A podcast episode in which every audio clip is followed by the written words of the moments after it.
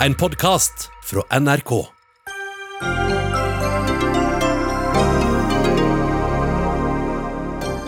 Ledighetstoppen er fortsatt ikke nådd, tror arbeidsministeren, til tross for at 412 000 personer nå er helt eller delvis arbeidsløse. Men hva med dem som jobber mer enn noen gang akkurat nå? Arbeiderpartiet frykter at useriøse bedrifter vil utnytte nye krisetiltak. Umulig å bedrive millimeterrettferdighet på så kort tid, svarer Høyre. Norske milliarder til regnskogsbevaring kan brukes bedre andre steder, mener et KrF-utvalg. Ødelegger vi regnskogen, taper vi klimakampen, svarer klima- og miljøministeren. Og en samlet mediebransje har bedt om en egen krisepakke, men regjeringa sier nei. Da kan journalister måtte permitteres når de trengs som mest, frykter Norsk Presseforbund.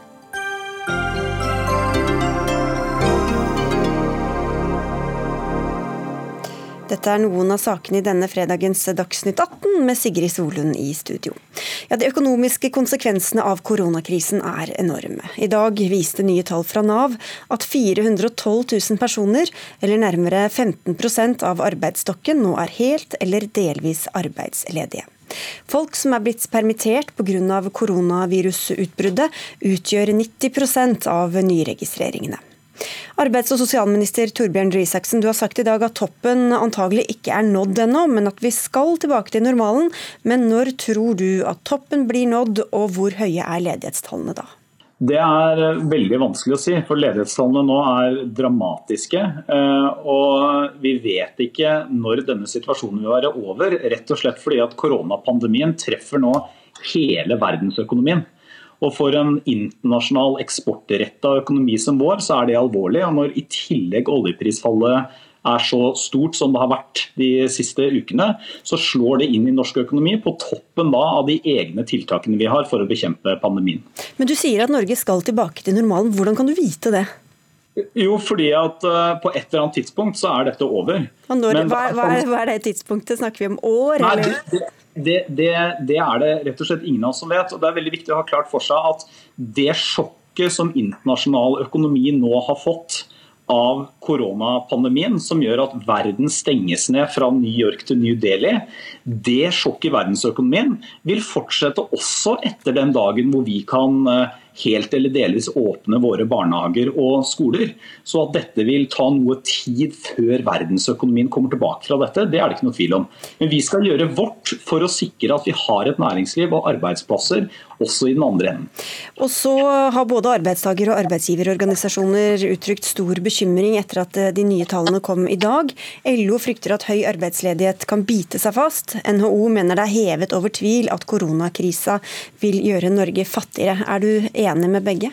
Ja, det er ikke vanskelig å være enig med begge de to. Altså både, og Det er derfor det er så viktig det regjeringa nå gjør sammen med Stortinget, med store pakker for å sikre at så mye som mulig av norsk næringsliv kan komme gjennom krisa. At vi har arbeidsplasser også i den andre enden. Og så er det sånn at, eh, at dette, dette, får svære økonomiske konsekvenser.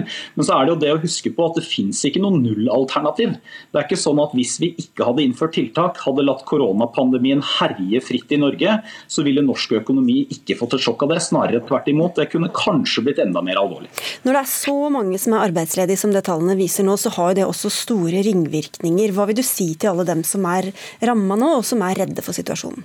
Jeg vil si at Det er ikke noe rart at folk er bekymra, men så skal de vite at velferdssystemet vårt, som vi har bygd opp gjennom generasjoner i Norge, det er der.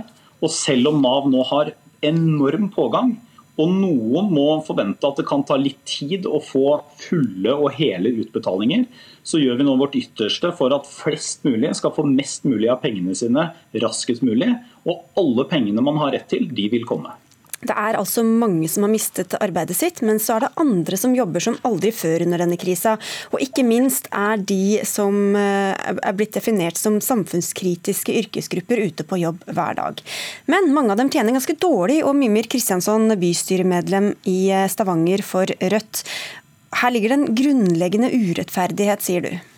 Koronakrisen har avslørt en eh, ganske stor urettferdighet i samfunnet vårt, som er at mange av de viktigste yrkene vi har, også er blant de dårligst betalte.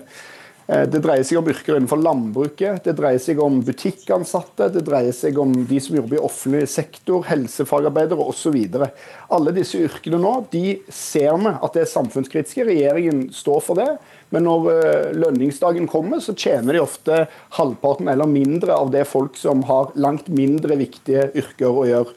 Og Hvis du ser på et yrke som det å sitte i kassa på Rimi, da, det er jo et uttrykk som av noen blir brukt nedsettende om eh, en jobb eh, som er for folk som ikke finner seg noe annet. De yrkene defineres nå som samfunnskritiske yrker, mens alle landets eiendomsmeglere trygt eh, kan sitte hjemme og ha hjemmekontor uten at landet går under av den grunn. Det, dette er ikke noe angrep på eiendomsmeglere, men det er et spørsmål om hvorfor den yrkesgruppen skal ende opp med å tjene tre ganger så mye som de som mm. gjør en viktigere jobb i samfunnet. Samtidig så er jo dette, for mange av disse gruppene, ikke alle selvfølgelig, er jo jobber som ikke trenger lange studier, det blir brukt som et springbrett inn i arbeidslivet. Hører ikke det også med i, denne, i dette regnestykket? Delvis, men hvis du ser på et yrke som helsefagsarbeider f.eks., så tar det det offentlige yrket, fagarbeid eh, viktig yrke, og som selvfølgelig krever en haug med kompetanse. Mange av de som jobber der, de har jo ikke sjansen til å få hel stilling. Mange av de jobber i små deltidsstillinger, de har dårlig lønn osv. Jeg mener at vi er nødt til å se etter denne krisen. Nå er alle ute på eh, verandaen og gir applaus til de som holder livet i gang. Avisene skriver om heltene. Kronprinsen ringer til renholdere. Men etter denne krisen så burde vi være solidariske nok og ha god nok hukommelse til å være med og sørge for at disse gruppene går opp i lønn.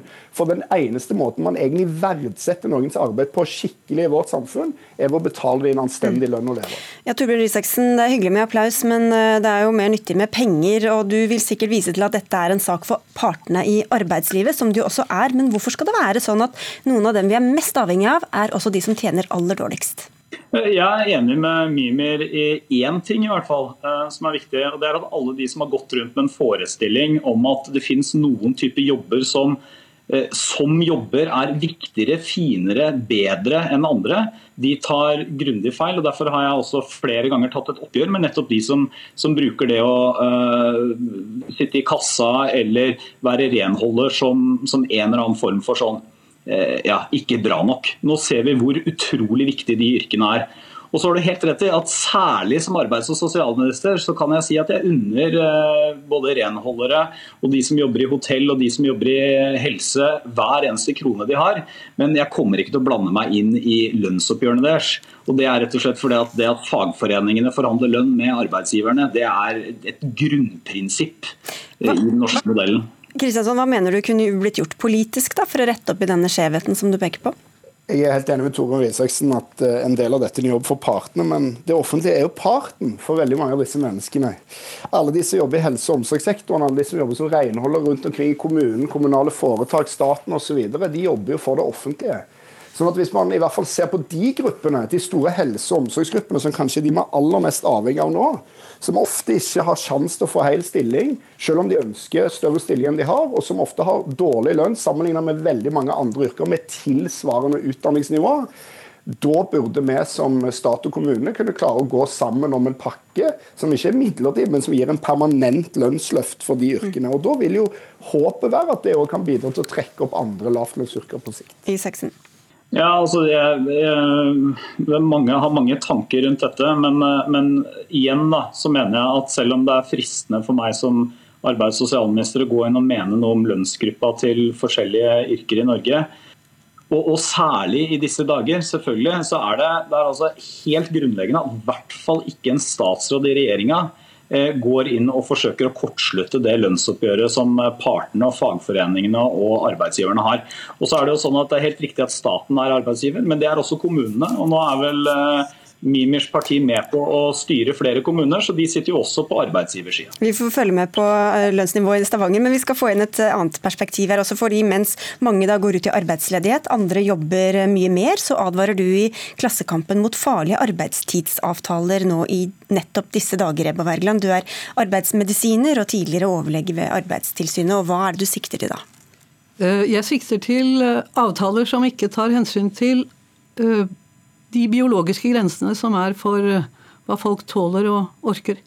Jeg tror jeg vil starte med å si at eh, Røe Isaksens avvisning av en kriseforskrift om lengre arbeidstider er et utmerket signal i disse dager. Fordi dette er ikke tida for å tøye grensene, men tvert imot for å skjerpe arbeidervernet for de som vi alle er enige om er de viktigste, og som nå står på der ute for å holde samfunnet i gang. Så jeg tar det som sagt som et godt tegn at ministeren ser at dette ikke er tida for å tøye arbeidstidsgrenser. Det litt problematiske er at han overlater det jo til partene i dette tilfellet. Eh, det er en del erfaring for at det hos partene ikke er nødvendig kunnskap om konsekvensene av de avtalene de inngår. Og det som fikk meg til å reagere, var jo at det ble inngått en avtale mellom Spekter og fagforeninger som organiserer folk spesielt i helsesektoren. Som ga arbeidsgiver ensidig rett til å korte ned på hviletid og utvide overtid. Og det er en veldig feilvurdering av behovet, og med farlige konsekvenser. For nå er jo ikke problemet at folk ikke jobber nok.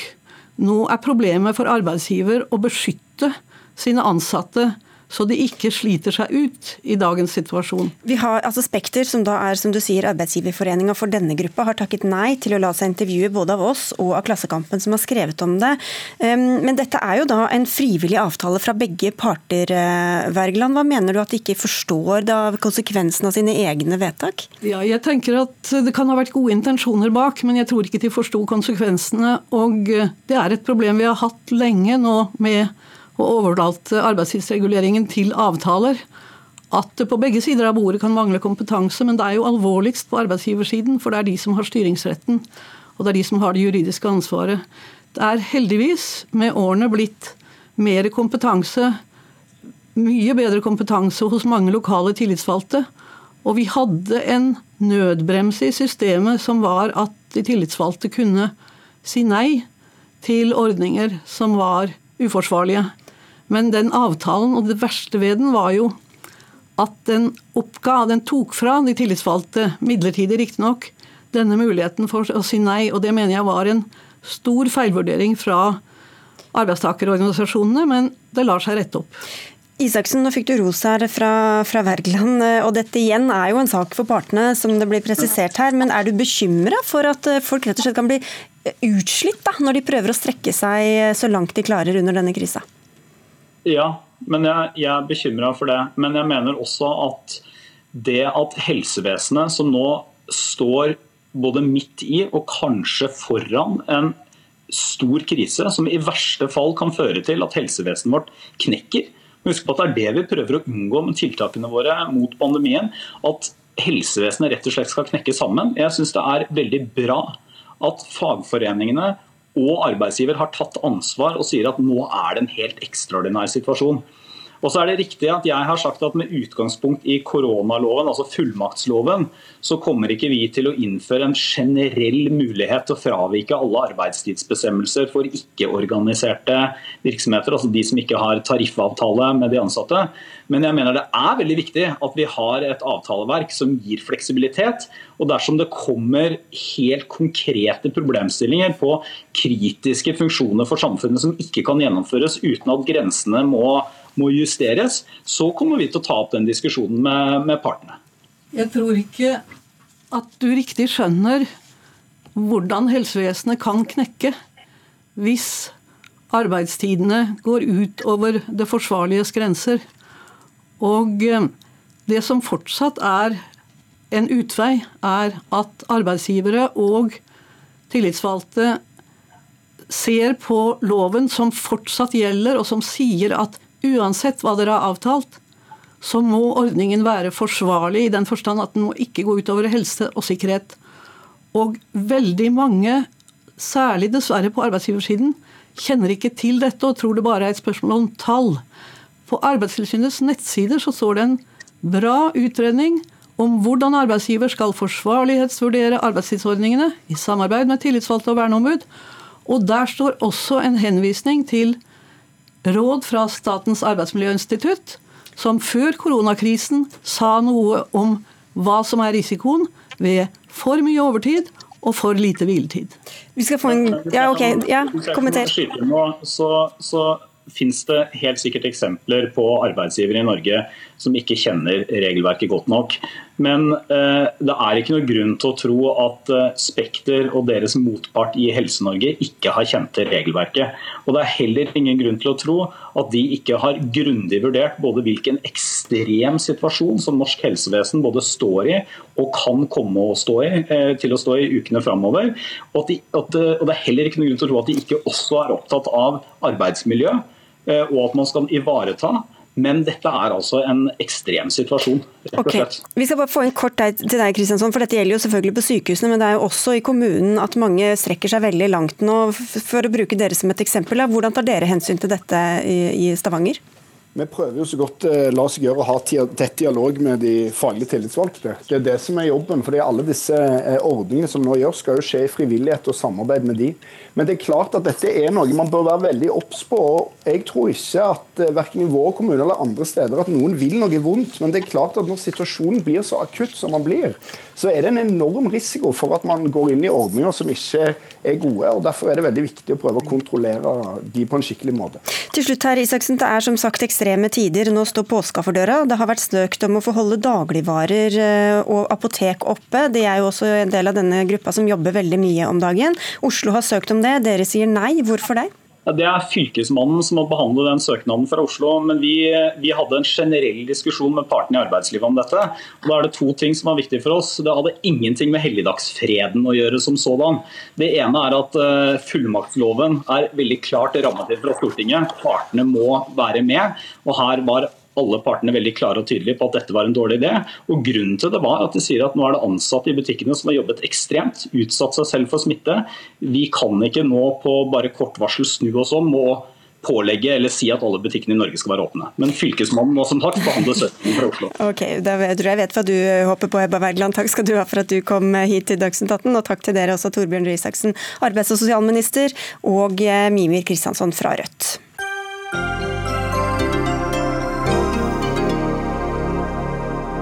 Ikke før hadde regjeringa lagt fram forslag til eh, kontantstøtteordning til bedriftene i går, før innvendingen meldte seg. Er ikke dette veldig lett å misbruke? LO-leder Hans Christian Gabrielsen sa til Dagsrevyen at det vi ikke ikke trenger, er en ordning som gir useriøse bedrifter et sugerør ned i statskassa. Nå i helgen skal Stortinget behandle innholdet i regjeringas innstilling, og Arild Grande, du er stortingsrepresentant for Arbeiderpartiet og sitter i arbeids- og sosialkomiteen. Hvorfor er det grunn, mener dere, til å mistenke at noen vil prøve å svindle til seg penger? Ja, I det store og hele så tror jeg vi har eh, bedriftseiere som er skikkelige, som er seriøse, som ønsker eh, å ha et godt arbeidsliv. Men vi ser dessverre også at det finnes aktører i vårt arbeidsliv som gjør alt de kan for å sno seg unna regler. Eh, som også prøver å berike seg sjøl på den krisen Norge nå er oppe i. Og Da er det utrolig viktig at Stortinget og regjeringa sørger for at den store dugnaden vi nå stiller opp på, med massive penger fra fellesskapet, Eh, blir ramma inn på en sånn måte at vi sørger for at det går til de seriøse bedriftene, at det er trygge arbeidsplassene og at vi forhindrer misbruk. For Her er det altså et opplegg hvor man skal kunne søke og få penger, og så blir det kontrollert i etterkant. Vetle Wang Solheim, du sitter på Stortinget for Høyre og er medlem av finanskomiteen. Og Det er jo enorme summer her. Hvorfor kan man ikke kontrollere før man deler ut pengene? Nei, altså, det som vi har stått i nå er en situasjon der vi har bedrifter som trenger cash fort, og ikke, ikke lån. Og Nå har vi kommet over den fase to, der de trenger cash. Eh, og vi har bedrifter nå som er helt avhengige for å faktisk overleve, så trenger de pengene ganske kjapt. Eh, og En sånn ordning som det vi leverte i går, har vi kanskje kommet til å bruke et halvår på å utarbeide til vanlig.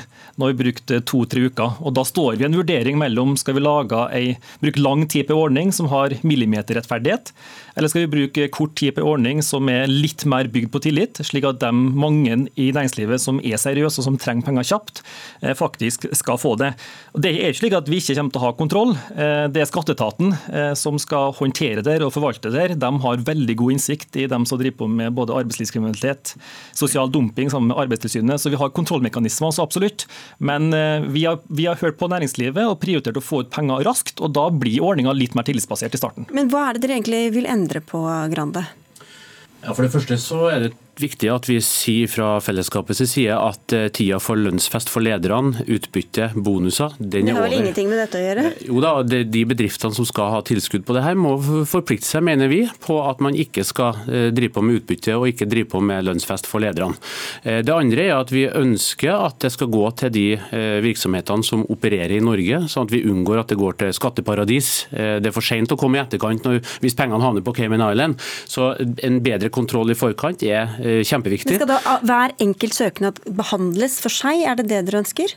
Ja, Nå skal vi jo gå i dialog med de andre partiene på Stortinget i løpet av helga for å finne en god innramming på det her. og Jeg tror vi kan få til veldig mye eh, på tvers av partigrensene. Det har vi vist tidligere at vi eh, kan få til. Jeg har jo også en viss forståelse for at det har gått eh, fort for regjeringa, og man har lagt fram noe som man på langt på vei er mye enige om. Men eh, det er viktig at man har eh, kontroll eh, på eh, hvordan pengene brukes, fordi at eh, vi har aktører i vårt arbeidsliv som også leter etter smutthull. Eh, Og De hullene må vi tette så langt det gjør. og Vi har mange gode forslag mener vi, til hvordan vi kan ramme inn det, sammen med fagbevegelsen okay, så og også Økokrim. Noen flere skranker eh, her. Ja, altså Det viktigste for oss har vært å lage en ordning som sørger for at næringslivet som desperat trenger penger, får det kjapt. Eh, og så har Vi jo sagt det at vi må gjøre justeringer underveis. Eh, vi treffer ikke 100% på det her, her forsøket. Her må vi gjøre justeringer når det behovet kommer. Eh, Og blant annet er kanskje slike justeringer noe man kan se på og gjøre mer av. Men eh, skatteetaten har god peiling på det her. Og vi kan også ta kontroll tilbake i tid. Eh, Det vil si at Hvis du nå har fått utbetalt eh, penger gjennom ordninga, så kan vi gå i etterkontroll etterpå og spørre bedrifter som vi tror kanskje ikke har gjort det riktige, om å dokumentere at de faktisk hadde behov for det. For, for den minoriteten da, som vi selvfølgelig antar at det er, som eventuelt prøver å lure systemet her, så kan jo det være penger som er borte. Altså Det finnes ikke noe penger å hente lenger der eh, av det som allerede er utbetalt. Ja, men, men likevel så vi, vi har valgt å, at altså, det blir noe mer tillitsbasert i starten, for at vi må få pengene ut raskt og vi må ha en ordning som bygger litt på det. Men når en søknad blir innlevert, så kryssjekker skatteetaten mot sine register hvem som søker. Vi kryssjekker mot om det man spør om faktisk er innenfor det som en vanlig, eh, en, en objektiv vurdering om en sånn bedrift som søker, eh, om de beløpene man søker om er innenfor det som er snittet innenfor en sånn bedrift. slik at dem som da går utafor det, dem blir tatt ut til manuell behandling. og Da kan vi gå inn og sjekke om de faktisk har krav på det de spør om. Og så er vi jo ikke ferdig med at regjeringa har lagt det fram. Nå skal jo prosessen gå i Stortinget gjennom helga. Vi skal vedta det her på tirsdag. og Jeg har god tro på at vi kan finne enda tydeligere innramming som sikrer det vi eh, må være opptatt av, nemlig at det her går til norske eh, bedrifter. At det går til å sikre norske Men hvis arbeidsplasser. hvis det forsinker utbetalingene, da? Nei, det tror jeg ikke gjør, fordi at det handler om for det første at vi må sikre at kreative organisasjonsformer som gjør at man står i fare for at det går ut av landet eller det går eh, til investorer, eh, i stedet for at det går til de virksomhetene som sliter og de arbeidsplassene som står i fare, det må det være mulig å finne en enkel innramming på som, eh, som er ubyråkratisk og mulig å gjennomføre. Eh, også det at vi har virksomheter som baserer seg på faste stillinger, eh, og eh, at man prøver å unngå oppsigelser i denne fasen. At vi prøver å komme oss gjennom krisen også med et godt og skikkelig arbeidsliv. Det tror jeg arbeidsfolkene som nå står på for å få endene til å møtes, fortjener. Vi snakka så vidt om dette i Dagsnytt 18 i går med Karen Helene Ultvedt Moe, økonomiprofessor ved Universitetet i Oslo, som minnet oss om at vi har jo et tillitsbasert samfunn ellers, enten det gjelder skatt eller andre eh, selvinnrapporteringer. Arbeiderpartiet snakker jo veldig mye om tillit ellers. Hvorfor har dere ikke tillit til bedriftene i dette tilfellet? Jo, og Derfor så støtter vi jo hovedtrekkene i denne modellen. Men vi har senest til rett før debatten her nå, så fikk jeg høre et eksempel fra en bedrift som har sagt opp, eller som permittert alle ansatte, men så jobber det en gruppe i bedriften eh, eh, for fullt mot at de ikke melder fra på meldekortet til Nav. Og Det er jo en klar utnyttelse av regelverket. og Vi skal heller ikke være så blåøyd at vi ikke tror at de kriminelle aktørene som vi dessverre har i vårt arbeidsliv, de vil bruke også krisen som en mulighet til å hente ut penger til egen berikelse. og Det må vi få stoppa, og det tror jeg alle er enige om. Solheim, vi snakket nettopp om alle de hundretusene som er blitt, eh, har mista jobben sin. Hvorfor kan man ikke sette inn flere personer som har tilsvarende bakgrunn til å kunne kontrollere bedre dette systemet? da? Jo, for det Første er det vanskelig å, å få tak i alle de folka, for det er det vanskelige systemet som skal opparbeides. Derfor så har vi nå laga et, et system som skal fungere mest mulig automatisk. Og Grunnen til at vi gjør det, er for at med sammenligning med Danmark, som har foreslått samme, de skal nå oppbemanne flere hundre årsverk for å få en sånn ordning opp å gå. Det tar lang tid. Nå har vi gått sammen med Finans Norge og banknæringa og skatteetaten. Med de systemene vi har i et heldigvis ganske digitalisert samfunn, skal vi få til en automatisk ordning til å begynne med. Så har vi gode kontroller underveis, vi har gode etterkontroll. Og så er det slik at både det å drive sosial dumping og løsarbeidersamfunn og drive A-krim i dag, det er ulovlig. Eh, og kriminalitet er vel strengt Ikke sant? Så vi har jo lovverk på dette allerede i dag som må følges uansett. Så, så, og Vi har eh, gjort mye for å få bedre ting på A-krim, og de er absolutt knytta inn mot dette arbeidet. slik at useriøse aktører, og dere er helt enig med Arbeiderpartiet, useriøse aktører skal vi slå ned på. og De skal vi unngå å få ta del i denne ordninga. Da får vi se hvordan dette ser ut på tirsdag, når dere har behandlet uh, saken. Takk skal dere ha begge to, Arild Grande fra Arbeiderpartiet og Vetle Wang Solheim fra Høyre.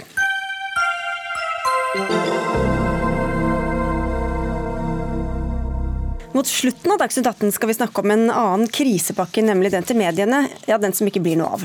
Men nå skal vi diskutere noe helt annet. For mens klimagassutslippene går ned pga. koronavirusets eh, spredning, er det internasjonale klimaarbeidet satt på vent pga. det samme viruset. I hvert fall er det sånn at FNs årlige klimatoppmøte, som skulle holdes i Glasgow i november, er utsatt til neste år. Og klima- og miljøminister eh, Sveinung Rotevatn, hva får dette å si for arbeidet med å følge opp Parisavtalen for Norge? Norge og andre land? Nei, Det er klart at det er synd, eh, fordi eh, klimatoppmøtet i Glasgow i høst var et veldig viktig møtepunkt for å få flere land til å heve sine ambisjoner, altså love å kutte mer, og få tetta en del hull som fortsatt finnes i Parisavtalen. Nå blir det møtet utsatt. Det er synd, men i og for seg forståelig med tanke på den ekstremt alvorlige smittesituasjonen verden og Storbritannia er borti nå. Eh, samtidig er det viktig å si at det pågår fortsatt for fullt klimaarbeid internasjonalt. Det blir snakka sammen, det blir holdt møte. Eh, så vi skal klare å drive prosessene framover. Men selve klimatoppmøtet blir utsatt, eh, og det må vi bare leve med. Og så håper vi at det blir satt en ny dato så fort som mulig fra britenes side. Nå er det altså et eh, virus og en økonomisk krise som sørger for det ingen avtaler og tiltak så langt har klart, nemlig at klimagassutslippene går ned. Hva sier det deg? Det sier meg at i ei vær der økonomien i all hovedsak er drevet av fossil energi, kålkraftverk, biler som går på bensin og diesel osv., så, videre, så det er klart at når økonomien får en torpedo midtskips og det virkelig går tregt og folk mister jobben og fabrikker stopper opp, da går utslippene ned. Eh, det gjorde denne finanskrisa, og det er det nå. Men på samme måte som under finanskrisa, så er ikke det noen varig løsning for klimaet. For snart vil forhåpentligvis økonomien gå opp igjen, folk tilbake på jobb, fabrikker i gang igjen. Og Derfor må vi fortsette med det langsiktige klimaarbeidet, som handler om å bytte ut fossil energi med fornybar energi, elektrifisere samfunnet, ta vare på natur. Og det arbeidet må pågå for fullt, også framover. Men så er det sånn at de investeringene som gjøres i dag, og i månedene og årene framover, de vil jo også sementere altså hva man satser på.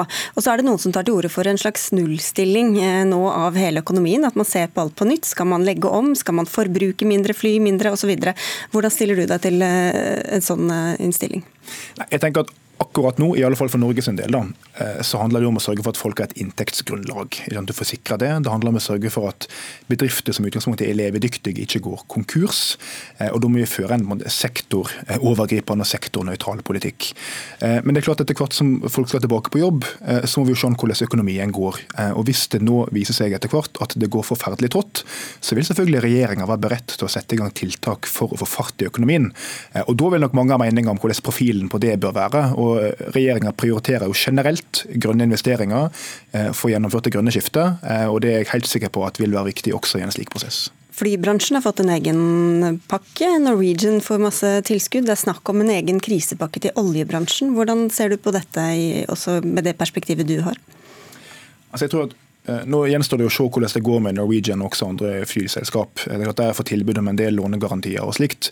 Eh, og jeg tror det er viktig å si at altså, Selv om enkeltflyselskap nå skulle gått konkurs, og det kan jo fort fortsatt skje, både i Norge og i andre land, så vil ikke det stoppe folk fra å fly. Fordi i det øyeblikket økonomien er tilbake opp og går igjen, så vil du bare ha nye selskap. Det du må gjøre når det gjelder lufttransporten, er å sørge for at du gjør sånn som Norge gjør. Ikke sant? Vi blander inn avansert biodrivstoff, vi satser på elektriske fly, og ikke minst vi satser på alternativer, som er tog, jernbane, eller det å ha digitale møter, som mange nå har fått erfaringer med at er et veldig godt alternativ i mange tilfeller. I mange tilfeller, var godt til at det. Det er altså sånn at Noe av det Norge har brukt masse penger på, selv om ikke det vises i de norske utslippsregnskapet, er penger til å redde regnskog. Milliarder av kroner er gått til andre land for at de skal la være å hugge sin egen skog. Men det bør vi slutte med, sier du eller dere, Sturla Henriksbø. Du leder Kristelig Folkepartis internasjonale utvalg, og spiller altså dette inn i arbeidet til partiet med det nye programmet for de neste fire årene. Hvorfor vil dere fjerne disse faste bevilgningene? Både KrF og Venstre er jo veldig engasjert i klimakrisa, og at Norge må gjøre det vi kan for å motvirke klimaendringene. Eh, og Vi er opptatt av all, at all bistand skal være effektiv. Vi må bruke pengene ja, For dette de går via bistandsbudsjettet, hvis ikke jeg sa ja, det? Ja, og det utgjør 10% av bistandsbudsjettet hvert år går til eh, regnskogbevaring. Og Det er ingen tvil om at regnskogbevaring er, er, er viktig, det også. Men eh, vi mener at det er feil å forhåndsreservere en så, så mye penger til akkurat dette formålet. Men vi må heller låse opp den bindingen og se på om det er andre tiltak som kan ha bedre effekt på, på, på å motvirke klimaendringene. Sånn som f.eks. overgangen til fornybar energi. Ja, Svenning Rotevatn, Hvordan vet dere at akkurat denne summen er vel anvendte penger år etter år? Det vet vi fordi vi har oppnådd gode resultat. Altså, et av de landene som vi har jobba lengst i, er jo Brasil, som mange er klar over. Og mens Norge har jobba der og bidratt med penger til å bevare Amazonas, så har man altså klart å bevare Amazonas i den grad at du har redusert utslippene eh, med omtrent 80 ganger Norges årlige utslipp bare i det landet. I tillegg jobber vi i Indonesia, i Guyana, i Gabon, i mange andre viktige skogland. Eh, og så er det jo ikke slik at vi setter av liksom en fast prosent til klima- og skogsatsinga, i motsetning til bistandsprosenten for øvrig, eh, bare så det er sagt. Men regjeringa mener at det er riktig å prioritere å bruke ca. 3 milliard kroner som vi gjør i året, på å jobbe med skogland. Og Grunnen til det er at dersom vi ikke klarer å ta vare på den enormt viktige tropiske skogen, så har ikke vi kjangs til å nå klimamålene våre. Det er en tredjedel av løsninga som vi må nå eh, etter Parisavtalen. Og hvis Amazonas forsvinner, hvis Kongobassenget blir rasert, hvis skogene eh, på Borneo osv. blir rasert, så hjelper det nesten ikke hva vi gjør med fornybar energi, med elbiler, med å få vekk kullkraftverk, fordi da eh, blir den globale oppvarminga for stor uansett. For de som alle vet, skogen suger opp karbon, og Er det ingen skog der, så får ikke vi gjort den jobben. Nå er vel de pengene frosset inntil videre pga. den politiske situasjonen eh, i eh, Brasil. Men eh, dette er jo ikke bare, altså, den regnskogen den hjelper jo ikke bare i Brasil, den hjelper jo hele, hele verden. Ikke bare med, med CO2-opptaket, men også pga. artsmangfold, medisiner som finnes der osv. Så, videre, og så, videre. så hvis landene ikke er villige til å bruke penger på dette selv, hvorfor, hvorfor skal ikke det være et, for, et oppdrag for hele verden? Det er, det er, et oppdrag for hele verden å bevare en skog, og dette er ikke, ikke uviktig Eh, et uviktig formål. Men eh, i, vi, må jo se på om de pengene fører til eh, om de er effektive. Og I 2018 så gjorde Riksrevisjonen en undersøkelse av denne skogsatsingen. Og kom til at det var, og kom en knusende rapport om manglende dokumentasjon av effekten av de pengene. Og akkurat Brasil, som Rotevatn bruker som et eksempel, er jo et land som i den perioden hvor Norge har gitt mange milliarder til regnskog skogbevaring har arrangert eh, sommer-OL, eh, fotball-VM. Eh, og Norge har heller ikke klart å bruke opp pengene. sånn at I dag så står det 4 milliarder kroner på bok i Amazonasfondet, som er den mellomstasjonen. Men, men til, dette, da, da bør Norge f.eks. slutte å gi bistand til India, som er en voksende økonomi, hvis det bare skal gå til de aller fattigste landene? Eh, vi skal bruke pengene der de kan eh, nå lengst og eh, være mest mulig effektive. Og Det gjelder, mener vi også for de pengene som skal gå til klimatiltak. Men Da kunne det vært brukt i Brasil da, for eksempel, hvis du hadde hatt mer tro på tiltaket? Ja, jeg, tenker at det skal være en fri konkurranse om, om bistanden. Sånn at man, går, at man ikke forhåndsbinder opp penger til enkeltformål, og at de ender opp med å stå, opp, stå på bankkonto. Sånn som, sånn som for uh, regnskogpengenes del. Ja, og, og, de har jo strengt tatt råd til å bevare den skogen selv, eh, Rotevatn. Det er ikke slik at det bare er pengene som vi gir til Brasil og andre land som gjør at en eh, så langt har lykkes med å ta vare på skog. Hvis det bare var det det var snakk om, så er det ofte mer lønnsomt for de landene å la gruveindustrien ture på, og la tømmerindustrien ture på osv. Men det har med et tett samarbeid å gjøre. Pengene betyr litt, men vi jobber også sammen rundt regelverk f.eks. Utveksle erfaringer, følge nøye opp. Og så er det jo slik at dersom du bare skal rette den typen innsats mot de aller lutfattigste landene i verden, så får ikke du hjulpet regnskogen. Fordi mange av de landene er så fattige at skogen ikke er spesielt trua av næringsinteresse eller andre ting. Eh, mens i Brasil, eh, Indonesia eh, og andre land så er det en ekspansiv gruveindustri, det er ulovlig hogst, det er tømmer, det er jordbruk som ekspanderer. Og ja, mange av de er ikke de lutfattigste landene i verden, de er land som utvikler seg. Men de pengene vi bruker, f.eks. i Brasil, har i stor grad kommet den fattigste delen av befolkninga til gode i de områdene men, det er snakk om, ikke minst urfolksbefolkninga. Men hvordan kan du, du sier at det virker, Riksrevisjonen sier at det ikke virker. Hva er det de ikke har fått med seg, som du vet da? Riksrevisjonen sier ikke at det ikke virker. Jeg er heller ikke enig at den rapporten var knusende. Det var for øvrig heller ikke Stortinget, inkludert KrF. Eh, men det var en del litt merkelige forutsetninger i den rapporten Riksrevisjonen hadde. for Det de f.eks. sier, er jo at eh, nei, det er vanskelig å garantere at det er varig effekt. Men, men det, det, er litt som å liksom kritisere og verne Lofoten, Vesterålen og Senja fordi at du kan potensielt åpne opp for olje en gang i framtida. Altså, sånn vil det jo være med skog òg. At vi lar skogen stå i dag, er ingen garanti for at ingen om 20 år hogger den ned. Men da vet vi i alle fall at den står i dag. Og den må stå i dag hvis vi skal klare å nå klimamålene våre. Hvis vi skal klare å ta vare på naturen der. Og heldigvis har vi lykkes godt med det i veldig mange land. For det, det er jo mange evalueringer her, og de viser jo både litt det ene og litt det andre, avhengig av hvilket prosjekt. Så det er jo ikke bare Riksrevisjonen man kan se til eh, Henriksbø for å se hva slags resultater som er kommet. Nei, det er det ikke. Og, det er eh, både eh, positive og negative vurderinger av regnskogmidlene. Men det som er en kjensgjerning, det er at som Rotevatn sjøl framhever, at en skog som man verner i dag, kan hogges ned i morgen. F.eks. av det sittende regimet i, i, Brasil, som ønsker å hogge mer skog. sånn at Man risikerer jo at de pengene ikke får noen varig effekt overhodet. I motsetning til hvis man f.eks. tar et annet land som, som Vietnam, da, som nå i, har et økende energibehov, trenger 10% mer energi hver eneste år pga. en befolkning som er på vei ut av fattigdom. Eh, og hvor de ønsker å investere det i kullkraftverk, for det er billigst. Der kan de pengene eh, føre til at man får fornybar energi. Man får en mye større effekt av de pengene enn man gjør på regnskog. Og hvorfor skal man da eh, forhåndsbinde opp 3 milliarder kroner hvert eneste år dette formålet med så usikre effekter? Og heller gi deres egen bistandsminister litt friere tøyler i budsjettet. Ja, veldig veldig kort, Rotevatn. Jo, altså Det er veldig bra å investere i fornybar energi i utviklingsland, og det, det, gjør vi også. Det som er utfordringen er at Du vet aldri helt om det å la være å bygge et kullkraftverk. ikke sant? Altså, det, altså Du har ingen garanti for at en ikke bygger andre eh, svært fossilkrevende verk, men det du vet er at hvis en skog får stå, så får den stå. og Det kan du måle, og du betaler ut for resultat. Og Når du ikke får resultat i Brasil, så får det heller ikke penger, men det har fått en del penger historisk, fordi det har hatt gode resultat, og det er bra for klimaet, bra for Amazonas og bra for naturen. En hel debatt som ikke handlet om korona. Takk skal dere ha begge to. Vi skal jammen koste på oss en til.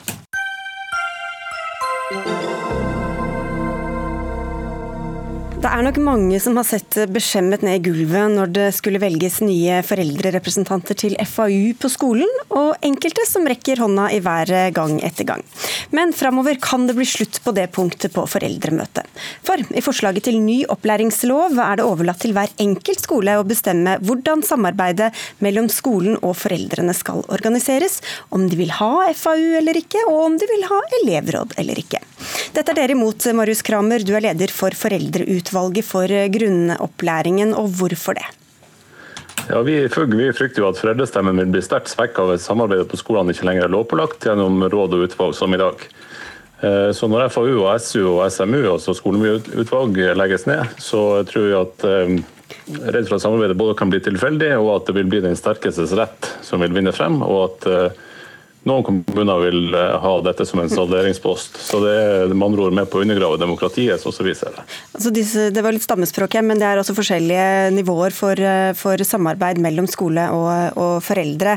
Men Jon Christian Nordrum, du ledet, leder utvalget som sto bak dette lovforslaget. Hvorfor vil du ta bort noe som har fungert? Eh, ja, for det første så vil ikke vi ta bort noe som har fungert. Vi har eh, vurdert det sånn at eh, hvordan man organiserer foreldremedvirkning og elevmedvirkning, som vi også kommer til å prate litt om, det kan man avgjøre lokalt. Det, det har vi tillit til at de som er nærmest der beslutningen tas, klarer å finne gode ordninger på hvordan det skal tas. Så vil jeg bare si at uh, i vår utredning så har vi betont viktigheten av elevmedvirkning, elevdemokrati, skoledemokrati og foreldremedvirkning i veldig, veldig stor grad. Dette lovforslaget er et forslag om å styrke elevmedvirkning, elevdemokrati og foreldremedvirkning vesentlig. Og vi, Det ser man med en gang man åpner loven. fordi I vårt lovforslag så er kapittel to via medvirkning og skoledemokrati. Men det dere gjør er at dere ikke låser hvilken form det skal skje i? da, hvis jeg forstår Vi ser, vi, I dag er det slik at det er et kapittel 11 i opplæringsloven som detaljert forteller hvilke råd og utvalg som skal være i skolen. Det skal være et samarbeidsutvalg, det skal være et foreldreråd, det skal være et foreldrearbeidsutvalg og det skal være et elevråd. Og det skal være arbeidet på den og den måten med de og de representantene. Vi tenker oss at det er mange måter å organisere et godt elevdemokrati og en god foreldremedvirkning på, som, eh, som man kan finne ut lokalt hvordan man ønsker å gjøre det. Men jeg ønsker å presisere at man må organisere former for foreldremedvirkning. Man må ha organer for det, ellers så bryter man loven. De bare trenger ikke å hete akkurat det samme og være organisert akkurat sånn som nå, Kramer. Hvorfor er det akkurat det eneste saliggjørende, sånn som systemet fungerer i dag? Ja, så vi tenker jo at uh, don't change a winning team. Altså, jeg har selv sett hvor godt dagens ordning kan fungere, og uh, vi lurer jo på hva som er bedre i lovforslaget.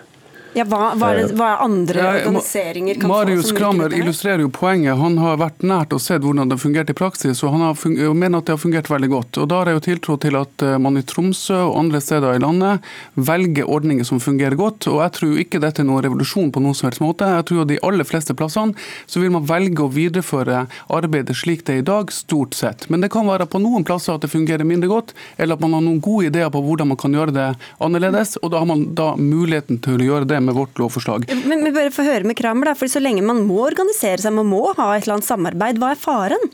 Altså, vi er jo redd for at, uh, at, man ikke vil klare å engasjere og inkludere alle foreldrene. At man uh, derigjennom også kan bidra til å både skape og forsterke sosiale forskjeller i samfunnet.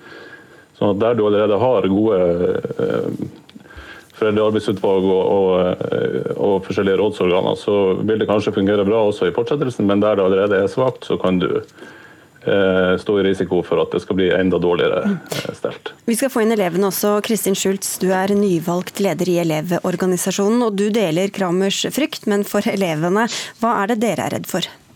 Ja, altså Utvalget sier jo at det finnes ulike tilnærminger til skoledemokrati, og at det å lovfeste en bestemt form kan hemme elevene sin eh, måte eller bestemmelse for hvordan måte de ønsker å organisere seg på. Men dagens lovverk er ikke så begrensende som utvalget skal ha det til. Sånn loven er i dag, så er det ingenting som forhindrer skolen fra å se på nye måter å utvikle skoledemokratiet på. Eh, så Flere av de alternativene som utvalget foreslår, kan lette et demokratisk organ som et elevråd ta stilling til og eventuelt bruk basert på behovene på sin skole. Men problemet med elevråd som oppfattes som liksom-demokrati og festkomité, ligger ikke nødvendigvis i organiseringa av elevråder, men måten elevrådene blir møtt på i skolen av ledelsen og av ansatte. For Hvis de får den anerkjennelsen de fortjener som elevene sine representanter, og hvis de får ansvaret til å kunne medvirke i prosesser, så vil de selvfølgelig bli mer engasjert og kunne bidra mer. Men dere får jo mer frihet, da, elevene, med dette nye forslaget? Ja, og vi ser at det kan være positivt å liberalisere elevrådsordninga sånn som det er i dag, for at elevene skal kunne få mer frihet. Men det må ikke gå på bekostning av plikten for å ha elevråd. Altså Utvalget sier jo at de ikke ser et stort behov for å lovfeste ordninga, fordi at organene er uansett mest rådgivende, så de representerer en gruppe som har høy utskiftning. Men det er jo nettopp et argument for å ha elevråd. Fordi vi trenger ordninger som sikrer at de som går på skolen, får medvirke aktivt i sin egen skolehverdag. Og mye av grunnen til at de er rådgivende nå, er jo fordi at eh, ingen legger til rette for at de skal kunne utvikle seg enda. Ja, altså Vi er jo veldig enige med Elevorganisasjonen at elevdemokrati og elevmedvirkning er viktig. og Det er også viktig å ta på alvor den bekymringa som Elevorganisasjonen har. Men jeg forstår strengt tatt ikke helt bekymringa. Slik som det lovforslaget vi fremmer er, så er det en helt annen vektlegging av elevdemokrati og elevmedvirkning enn det i dagens lov. Det er tre nye bestemmelser om elevens rett til å medvirke, og, og, og, elev, og skoledemokrati og skoleregler. Og I skoledemokratibestemmelsen så slås det f.eks. helt klinkeklart fast at elevene skal være med på å planlegge, gjennomføre og vurdere virksomheten til skolen. Og de skal bl.a. da spesielt i forbindelse med skolemiljø inkluderes. Det står at elevene skal delta i styring av skolen. Og så kommer da den lille passusen som elevorganisasjonen er bekymra for. Og det er at elevene har rett til å velge elevråd. De kan også velge en annen måte å organisere elevdemokratiet på. Og vi har tillit til at elevene klarer å finne ut eh, gode måter å organisere elevdemokratiet på. Da skal jeg bare legge til en bitte liten bit, og det er det at opplæring i demokrati er veldig viktig. Det fremgår av Grunnlovs 109 at elevene skal lære seg respekt, eller opplæringa skal fremme respekt for demokrati, menneskerettigheter og rettsstat. Og det å være med på å bestemme hvordan et demokrati skal organiseres, er en viktig del av demokratiet. Ok, skal skaffe enda mer engasjement, Schultz? Um, ja, men for det vi mener er at Man har fortsatt muligheten til å kunne gjøre dette i dag. Og sånn, Det å fjerne den plikten som er hovedpoenget vårt her, vil nok ikke ha så mye å si for en god del skoler, fordi de vil fortsette med elevråd som vanlig. Men i et, et lovverk skal alltid sikre at den svakeste parten er ivaretatt. Det betyr at lovverket vårt skal sørge for å ivareta de elevene som går på skole med svakt elevdemokrati, og som ikke har mye vilje til elevrådsdrift. Og Hvis vi fjerner denne plikten, så vil vi også kunne gjøre at elevdemokratiet rundt om mange steder i landet kan rakne pga. manglende engasjement enkelte år. Eh, vi mm. mener at det er veldig bra at de velger å vektlegge fokuset på elevdemokrati, og det støtter vi fullt og helt, men ikke fjern plikten til å ha elevråd. Vi trenger det etablerte organet i skolen. Nå eh, representerer jo både du og du, Kramer, dette på, et, på riksplan. Vi snakker jo om hvordan det er på hver enkelt skole, men dette er jo også en organisering hvor, hvor alle er samla på, på, på, toppen, da, som dere prøver å påvirke politikere og andre. Hvordan tror du en sånn ny type organisering kan, hva det kan få å si for hva slags gjennomslag dere kan ha i rikspolitikken? Ja, det er jo vanskelig helt å se hvordan det vil slå ut. Vi vil jo jobbe veldig hardt nå for at vi skal få lovhjemler eh, alle disse rådsorganene på skolen, sånn som det er i dag. Eh, og eh, Vi tenker jo at eh, lovhjemlinga er helt vesentlig. At vi ikke kan la tilfeldighetene få lov å rå på skolene. og at det er samtidig paradoksalt at det legges opp til å pulverisere foreldredemokratiet når skolene med den nye fagfornyelsen vil ha demokrati og medborgerskap eh, innbakt som et sånt tverrfaglig tema på alle fag i skolen. Jeg tror du er helt uenig i at dette var pulverisering, eh, Nordrum, men vi må si takk til dere alle sammen eh, nå. Jon Christian Nordrum Asa, Kristin Schultz og Marius Kramer. Og dette forslaget til ny opplæringslov er nå ute på høring, og høringsfristen er 1.7 for dem som har innvendinger til den. Takk skal dere ha.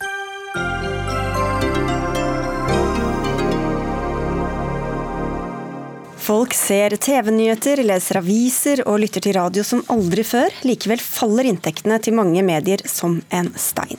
Grunnen er at eh, kriserammede bedrifter har sluttet å kjøpe annonser. For en uke siden ba en samlet mediebransje om en egen krisepakke for å holde hjulene i gang, men regjeringa sier nei. I dag hadde kultur- og likestillingsminister Abid Raja et møte med bransjen. Og generalsekretær Elin Floberghagen i Norsk Presseforbund, du sier du var skuffet etter møtet. Hvorfor det?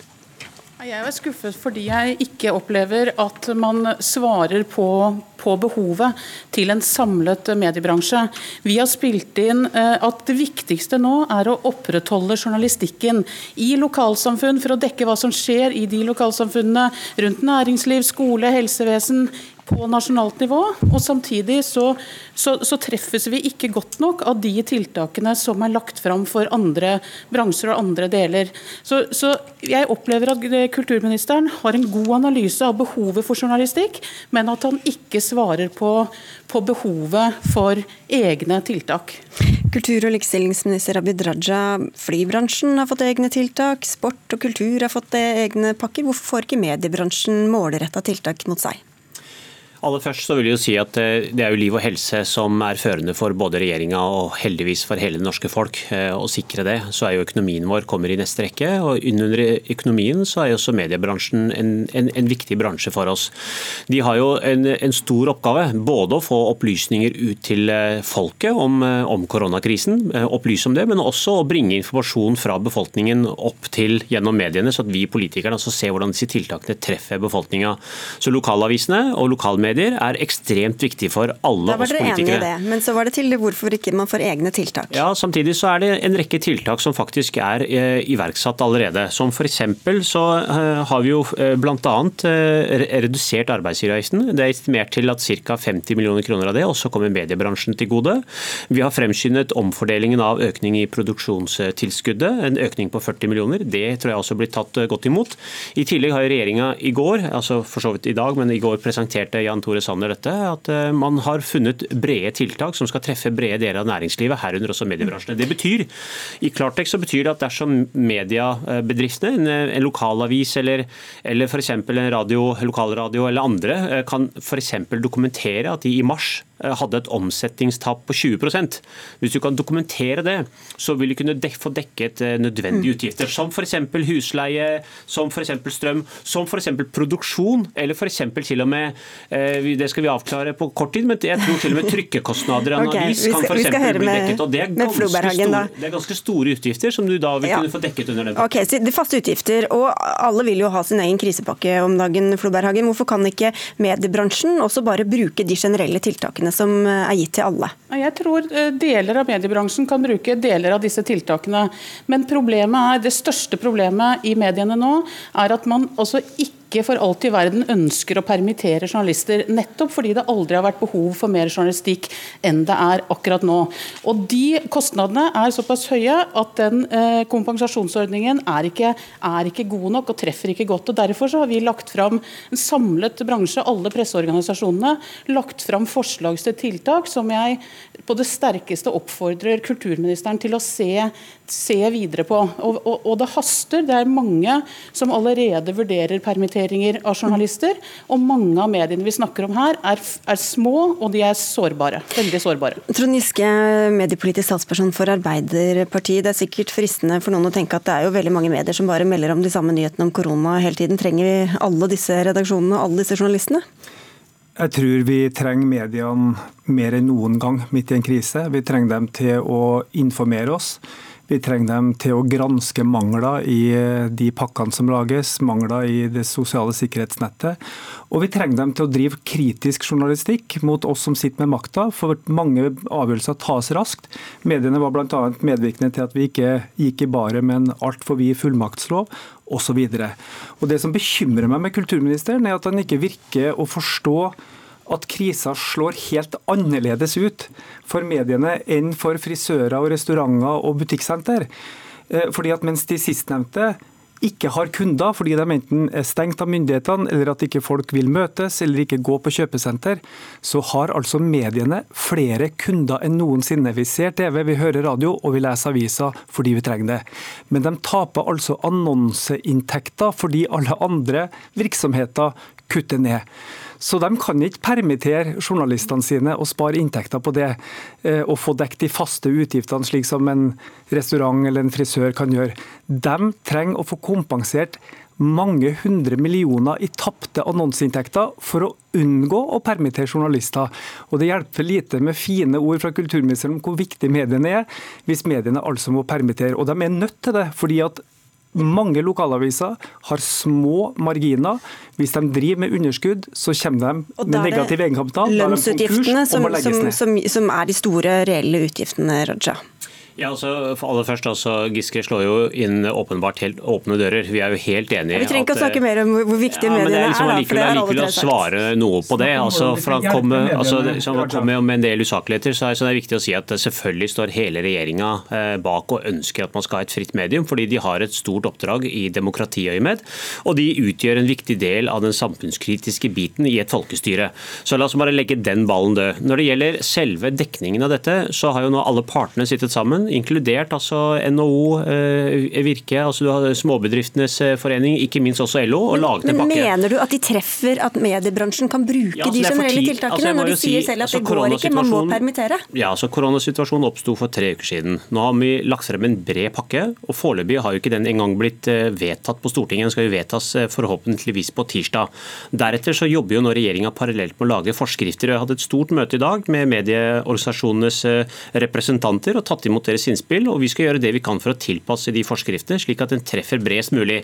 Og så er det slik at altså, Hvis du kan dokumentere eh, at du har hatt 20 eh, omsetningstap i mars, ja, det har du sagt at så vil du kunne få dekket, så vil du kunne få dekket store deler av Hvis du forholder deg til det Floberhagen eh, sier, mm. at de tiltakene de hjelper ikke, fordi at de eneste måtene mediene ja, har å spare penger på, er ja. å permittere de samme journalistene som du roser opp i skyene? Ja, men hvis du hadde vært til stede på det møtet i dag, så stilte jo vi nettopp det spørsmålet. Kan dere gi oss et svar på hvem er det som taper på dette? Hvor mange bedrifter, mediebedrifter er det som faktisk taper på dette? Hvor er det, hvem er det som faller mellom disse stolene? Da kan vi spørre Floberg og Det hadde man ikke helt klart Nei, okay. stående svar på. Og de sa at de tar med oss denne hjemmeleksa, du- og så kommer de til å komme tilbake tar, til vi oss og tar, det er ikke noe vits å snakke om henne når hun sitter her. Floberhagen, hvem er det som ikke klarer å nytte seg, gjøre seg av de tiltakene som allerede Nei, finnes? altså, eh, kulturministeren utfordret oss i dag på å svare på en del spørsmål om hvordan eh, denne ordningen som er lansert, kan kan tilpasses bedre mediebransjen.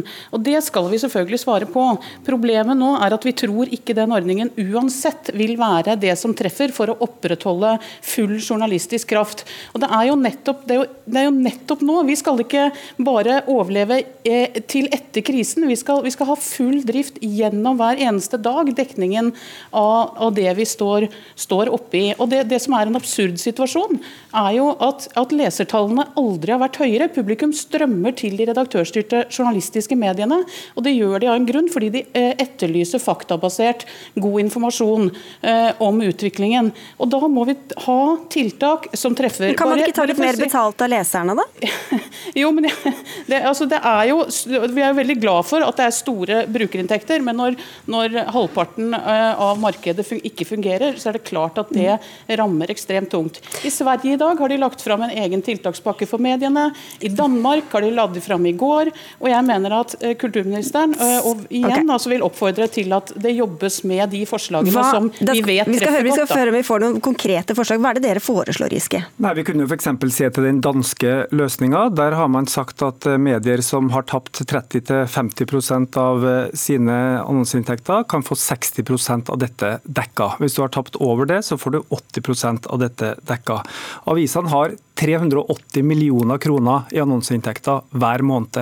Og det er klart at Når dette faller bort, så blir det dramatisk for å kunne holde oppe de ansatte i mediene.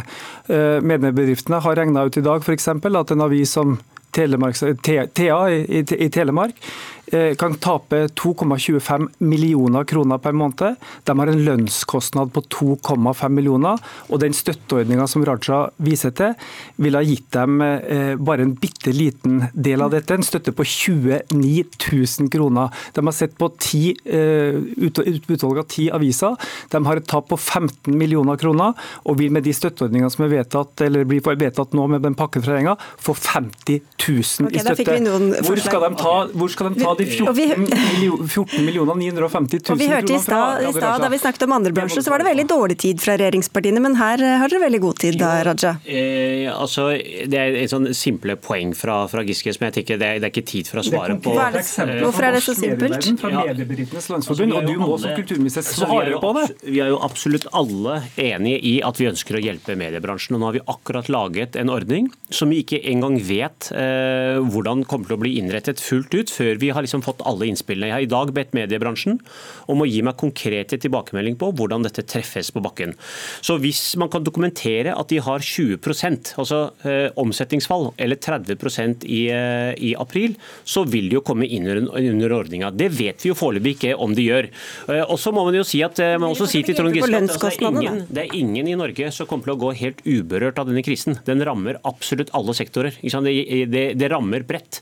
Og selvfølgelig har mediene en samfunnskritisk rolle, og vi er opptatt av å bevare kritisk journalistikk, og ikke minst at lokalmedier skal bli bevart. Men okay. samtidig så er det sånn at du må kunne dokumentere at du har f.eks. Ja, man kan ikke bare 20 omsetningsfall før du Pøse, kan få pøse ut begger, Giske. Det må kunne faktisk dokumentere, og det oppdraget har Kort, vi nærmer oss i og de kommer til slutten. å komme tilbake til på dette. Regjeringa foreslo i går en pakke hvor vi skal bruke 20 milliarder kroner i måneden på å redde små og mellomstore bedrifter. En, en halv prosent av dette kunne bidratt til å berge mediene. Det er helt Ja, jeg- det er du- merkelig at vi har en, snakker kul- mot Nei, nå bedre snakker jeg. vitende, altså nå har vi en Veldig nå har vi en kulturminister som altså ikke setter seg i førersetet, er sier vi trenger mediene, vi skal ordne en støtteordning. Tre pakker har regjeringa lagt fram. Først nå tar kulturministeren seg tid til et møte med mediene. Dette må tas mye okay, mer sekunder på alvorlig slutten, Raja, da enn mener kulturministeren akkurat nå Vi har lagt frem en pakke, hatt et eh, godt møte med mediebedriftene i dag, og vi kommer selvfølgelig til å jobbe videre med dette. Og så håper jeg at eh, Stortinget vedtar den pakken som vi har lagt frem, og det har de anledning til å gjøre Ja, på det er tirsdag. det, det er jo dere som skal fikse dette, da, Ja, pakken til slutt. Treff ikke mediebedriftene. Vi må lage en helt annen pakke for å hjelpe dem, slik at vi har journalistene i arbeid gjennom denne krisa. Og når kulturministeren ikke tar det ansvaret, så får Stortinget ta det Vi får ansvaret. se. Abid Raja, Trond Giske og Elin Floberghagen, takk for at dere kom. Dagsnytt 18 har ikke mer tid eh, denne gangen. Jarand Ree Mikkelsen, eh, Hans Ole Hummelvold og jeg, Sigrid Solund, takker for følget og ønsker en eh, riktig god kveld og en fin helg.